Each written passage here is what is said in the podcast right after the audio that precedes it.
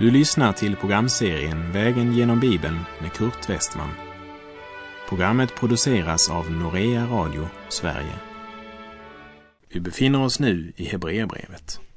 Slå gärna upp din bibel och följ med. Vi läser från Hebreerbrevets första kapitel, verserna 1 till och med 3.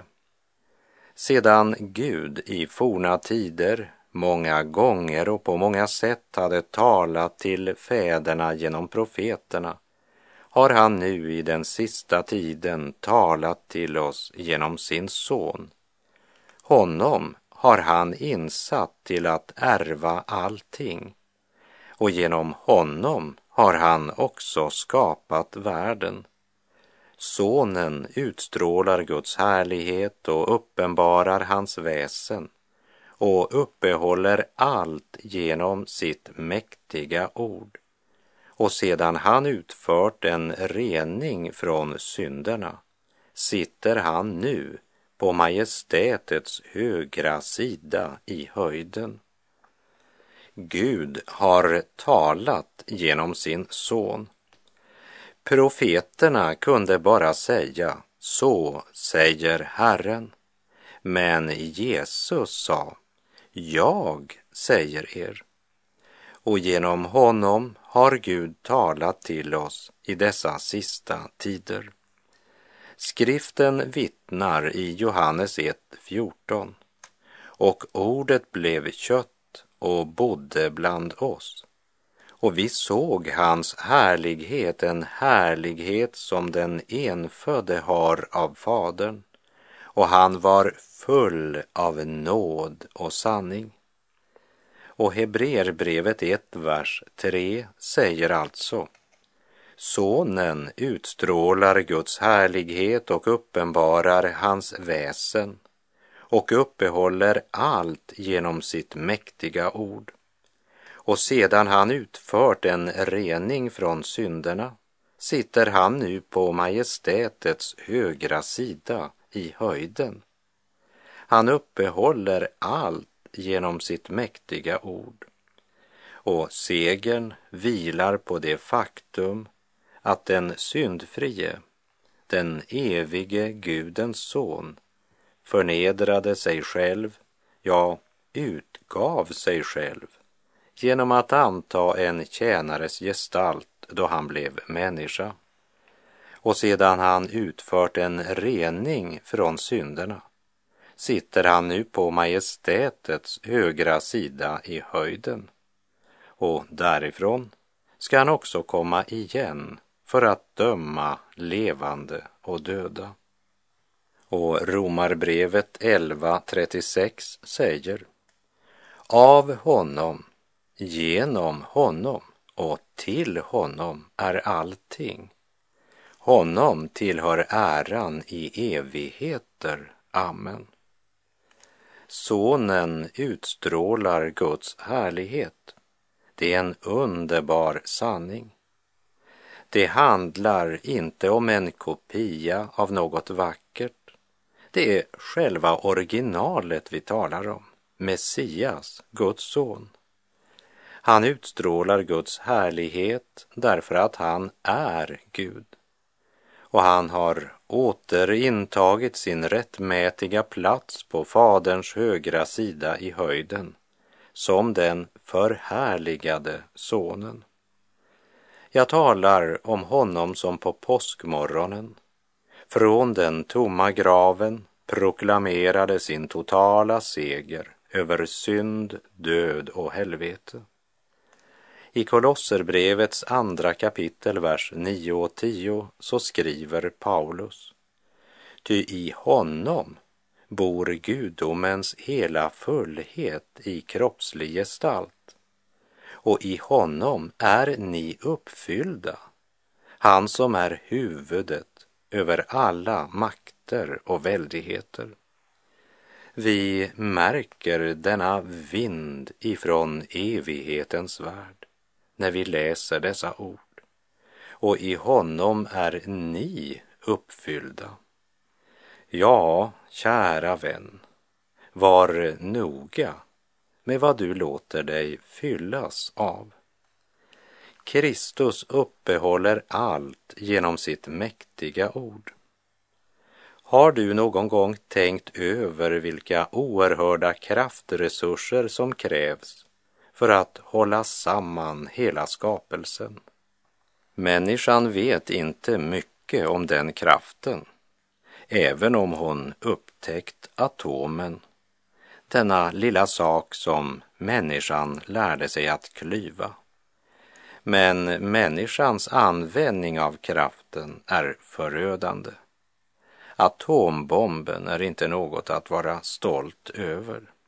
Lyckligtvis så har eh, människan inte mera än rört vid ytan av det bottenlösa hav av kraft som ligger i skapelsen. Och det är en underbar tröst att veta att han som förfogar över hela kraften är frälsaren som har utfört en rening från synderna. Och nu sitter han på majestätets högra sida i höjden. När det sägs att han sitter så är inte det något som skulle antyda att han är trött eller att han är overksam. Men det talar om ett verk som är fullfört, fullbordat. Det är samma mening i orden som när det i Första Mosebok sägs att Gud vilade på den sjunde dagen. För det betyder inte att han på den sjunde dagen bara satte sig ner och sa Oh, vilken enormt jobbig vecka. Jag har jobbat mycket mer än 40 timmar och jag behöver vila. Gud vilade från sitt arbete, sitt utförda verk. Han betraktade det och konstaterade att det var mycket gott och det var absolut inget mer att tillägga. Varje gång jag går från mitt kontor för dagen så är ju skrivbordet många gånger fullt av saker som gärna skulle ha varit gjorda. Jag har aldrig kunnat sätta mig ner och säga, nu är jag klar. Allt jag skulle göra är färdigt. Men det gjorde Gud på slutet av den sjätte dagen. Han vilade den sjunde dagen därför att hans verk var fullfört. Det är en viktig andlig sanning. Församlingens Herre sitter i härligheten. Men församlingen ser tyvärr inte så ofta i den riktningen längre eftersom man blivit upptagen av helt andra saker. Vi läser Hebreerbrevet 1, vers 4. Sonen är så mycket större än änglarna som det namn han har ärvt är för mer än deras. Änglarna var framträdande i sin gärning för Israel i det gamla testamentet. Men sonen, som är mycket mycket större än änglarna, var under sitt kötts förnedring betraktad ringare än änglarna. Att sonen är så mycket större än änglarna talar om att han är ett helt annat väsen, inte skapad som änglarna, men han är av evighet. Och honom har Gud insatt till att ärva allting och genom honom har han också skapat världen, läste vi i vers 2. Jag vill vara ytterst försiktig med det jag nu ska säga, men det måste sägas. Änglarnas tjänst är förbunden med den nytestamentliga församlingen. Jag vet att det är många som säger att vi alla har vår egen skyddsängel, men jag har inte funnit att skriften säger det någonstans. Kära vän, låt mig säga att du står under ett beskydd som är mycket större än änglarnas. Om du är ett Guds barn så bor Guds helige ande i ditt hjärta. Därför säger också Paulus i Romarbrevet 5, vers 5. Och det hoppet bedrar oss inte, Ty Guds kärlek är utgjuten i våra hjärtan genom den helige Ande som han har gett oss. Den tredje person i gudomen bor i ditt hjärta. Vad kan en ängel göra för dig som den helige Ande inte kan? Till de troende i Efesus skriver Paulus i Efeserbrevet 3, verserna 18 till och med 21. Ni ska då tillsammans med alla de heliga kunna förstå bredden och längden och höjden och djupet och lära känna Kristi kärlek som går långt utöver vad någon kan förstå så skall ni bli helt uppfyllda av all Guds fullhet. Han som förmår göra långt mer än allt vi ber om eller tänker genom den kraft som mäktigt verkar i oss. Honom tillhör äran i församlingen och i Kristus Jesus genom alla släktled i evigheternas evighet. Amen. Jag hade verkligen en skyddsängel, har jag hört folk säga. Men att Gud håller sin hand över dig och skyddar dig betyder därmed inte att han behöver sända en ängel för den skull. Man har gjort mänsklig tankegång till en doktrin. Och det är inte bara fel, men det är mycket farligt. Särskilt i vår tid då demonernas makt manifesteras och många författare säger att demoner inspirerar dem. Men de kallar dem änglar. Änglarnas tjänst är inte en tjänst i den helige Andes tid. Låt inte berömda konstnärers konstverk med änglabilder forma din tro och din bekännelse. Men med det så har jag inte sagt att Gud inte skulle ge speciella uppenbarelser i vår tid. Men min trygghet vilar inte på hoppet om att jag skulle ha en egen skyddsängel, men på Kristi kärlek som går långt utöver vad någon kan förstå. Han är så mycket större än änglarna som det namn han har ärvt är för mer än deras. Och av hans fullhet har alla vi som tror fått nåd och åter nåd, säger Johannes 1.16. Förälsningsverket är fullbordat Kristus förhärligad, anden utgjuten i våra hjärtan och han som är större än änglarna bor i våra hjärtan genom tron. Vad önskar du mer? Kära vän, vi har att göra med en levande frälsare. Låt oss vända blicken från änglarna och till Kristus. Och samtidigt som jag säger att vi inte har en personlig ängel så är änglarnas tid på inget sätt förbi. Utan Hebreerbrevet 1.14 säger, är inte änglarna andar i helig tjänst, utsända för att tjäna dem som ska ärva frälsningen. Thank you.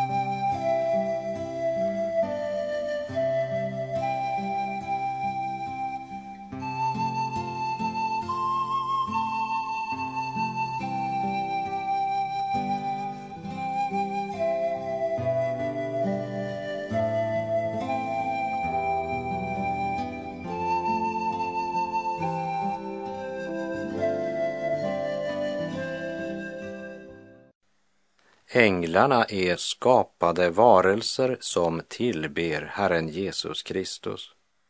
Och Hebreerbrevet gör klart för oss att Kristus är större än änglarna. Och vi ska lägga märke till att Hebreerbrevet har många citat från Saltaren, sångboken som ger oss ännu en utförligare bild av Kristus än vad vi har i evangelierna. Hebreerbrevet 1, vers 5. Till vilken av änglarna har Gud någonsin sagt Du är min son, jag har idag fött dig. Eller Jag ska vara hans fader och han ska vara min son. Du är min son, jag har idag fött dig. Det är ett citat från Saltaren 2, vers 7. Och i Apostlagärningarna 13, som återger Paulus mäktiga predikan i Antiochia i Pisidien, där han citerade Saltaren 2.7, så säger han att det inte refererar till Betlehem, men till Kristi uppståndelse när han kom åter från döden. Därför är Kristus den ende som kunde dö för världens synder. Ingen ängel kunde frälsa oss. Endast Kristus kunde bli människa och ta på sig vårt straff då han dog i vårt ställe. Därför säger också Hebreerbrevet 9.22 utan att blod utgjutes ges ingen förlåtelse. Jag ska vara hans fader och han ska vara min son. Det är ett citat ifrån Andra Samuelsbok 7.14 och är Guds löfte till David när han gjorde ett förbund med honom. Jag citerar Andra Samuelsbokens sjunde kapitel, vers 12 och 13.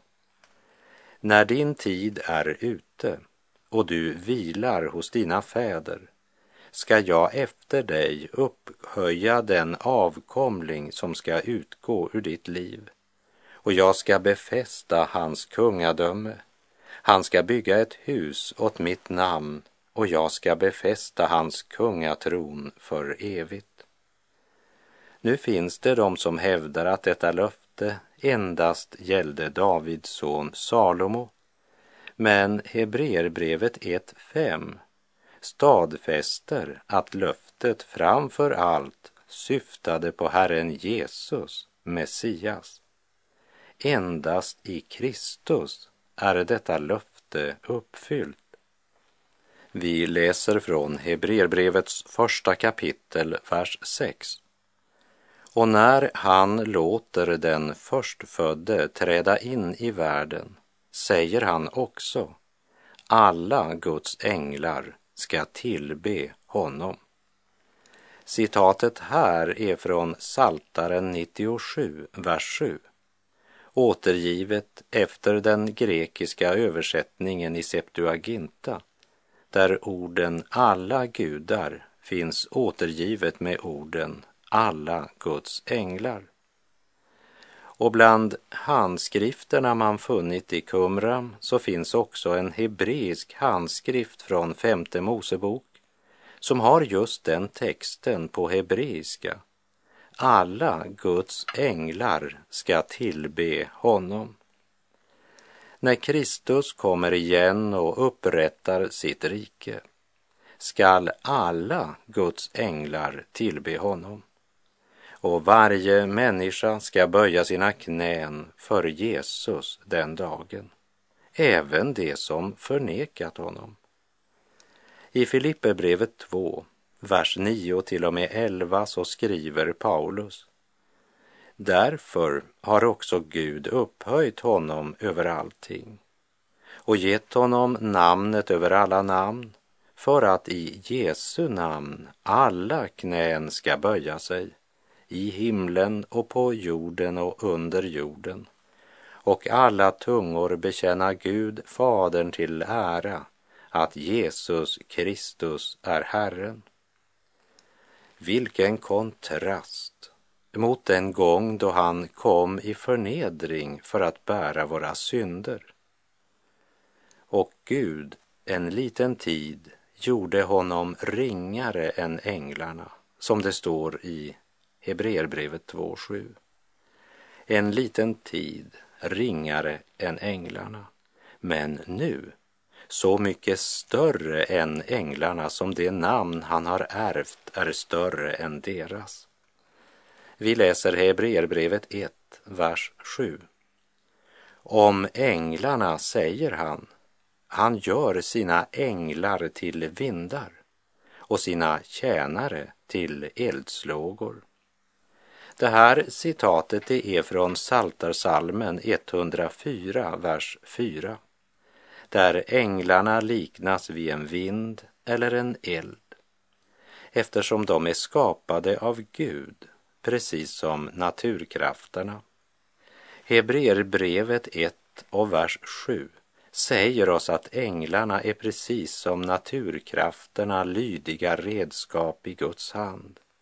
Lägg märke till orden han gör. Sonen är så mycket större än änglarna. Som Jesus kunde stilla stormen och som han med sitt ord kunde befalla ett fikonträd att förvissna på ett ögonblick, så kunde han ha bett sin far sända en legion änglar till hans hjälp. När Jesus arresterades i ett semane, då drog Petrus sitt svärd och högg örat av översteprästens tjänare. Men då sa Jesus till honom, stick ditt svärd i skidan, ty alla som drar svärd ska dödas med svärd. Eller menar du att jag inte kan be min fader att han nu sänder till min tjänst mer än tolv legioner änglar. Men hur skulle då skrifterna uppfyllas som säger att detta måste ske?